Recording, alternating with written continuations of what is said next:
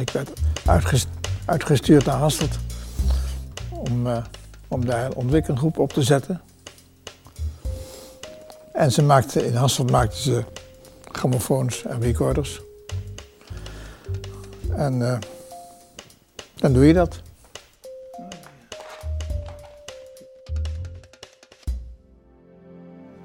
De bestaande gebruiks... De geluidsdragers, dat waren deze. Reel-to-reel recorders, dus spoelenrecorders. En uh, al tientallen jaren, voor zover die recorders er bestonden, al mensen die poging hadden gedaan om er een cassette van te maken, zodat je in één keer de hele tape op de machine kon zetten. En daar waren een stel voorstellen voor. En die waren allemaal ontzettend onhandig. En toen kwam er één uh, één eh, voorstel van RCA, Radio Corporation of America. Dit is de cassette die RCA voorstelde. Ruim 10 bij 20 centimeter, denk ik. Dat ding van die was te groot voor een batterijrecorder. En bovendien liep hij af en toe vast. Als je een, hele weer, een paar keer heen en weer spoelde, dan liep hij vast. En toen kwam tegelijk ook nog een voorstel van CBS, dus uh, Columbia Broadcasting System. Uh, daar zat meneer Goldmark als de grote baas. En die had ook een, een, een soort cassette voorgesteld met één, één spoel en een smallere band. We hebben in feite de, de cassette van RCA verkleind en verbeterd. En de tape van de CBS-voorstel, van het CBS-voorstel genomen. Uh, en dat in één cassette gecombineerd. Het was baanbrekend omdat het foolproof was, zoals dat heet. Gekke bestendig. Je kan, er kan eigenlijk niks fout gaan. Je kan de tape niet verkeerd inleggen. Als je, als je niet inlegt, dan, als je het erin legt, dan is het goed. En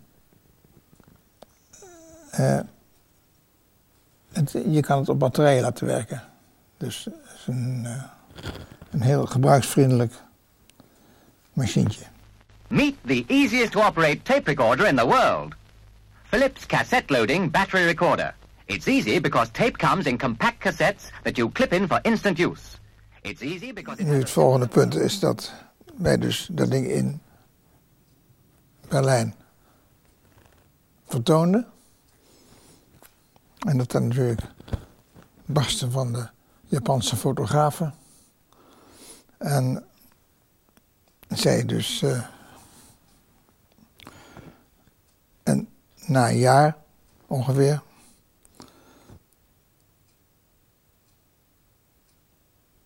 waren er opeens grote aantallen Japanse imitaties of halve imitaties op de markt. Dus dat was uh, even paniek bij ons.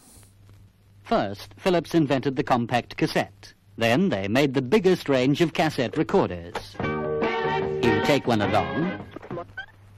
You record from your radio. Or make your own programs. En toen heeft onze uh, platenfirma, dus uh, die in Baren zat, hm? met grote snelheid een standaardisatievoorschrift. Uh, een normvoorstel gemaakt. Zodat we in, in mei 65 een voorstel hadden. Uh, en daarmee naar Japan konden gaan. Terwijl, en toen waren we bij Sony. En daar vertelde Oga, die toen de baas van audio was bij Sony, Die zei, ik heb uh, een telefoontje gekregen van Groenig. Dat ze mij uh, een licentie aanbieden voor niks. Want wij, wij vroegen dus een paar cent per, per apparaat. Per, per apparaat en per cassette. En dat hij zou het gratis doen. Natuurlijk een oorlogsverklaring. Toen hebben wij een bliksemoverleg met Eindhoven gehad. En ja, nou, waaruit. Dan maar, zonder. Hm. Dus dan hebben wij het ook gratis, gratis gegeven. Maar ja, onder het motto van de standaardisatie is zo belangrijk dat daar wordt de markt zoveel groter van. Dan verdienen we er allemaal geld aan. Ook al krijg je er geen licentie voor.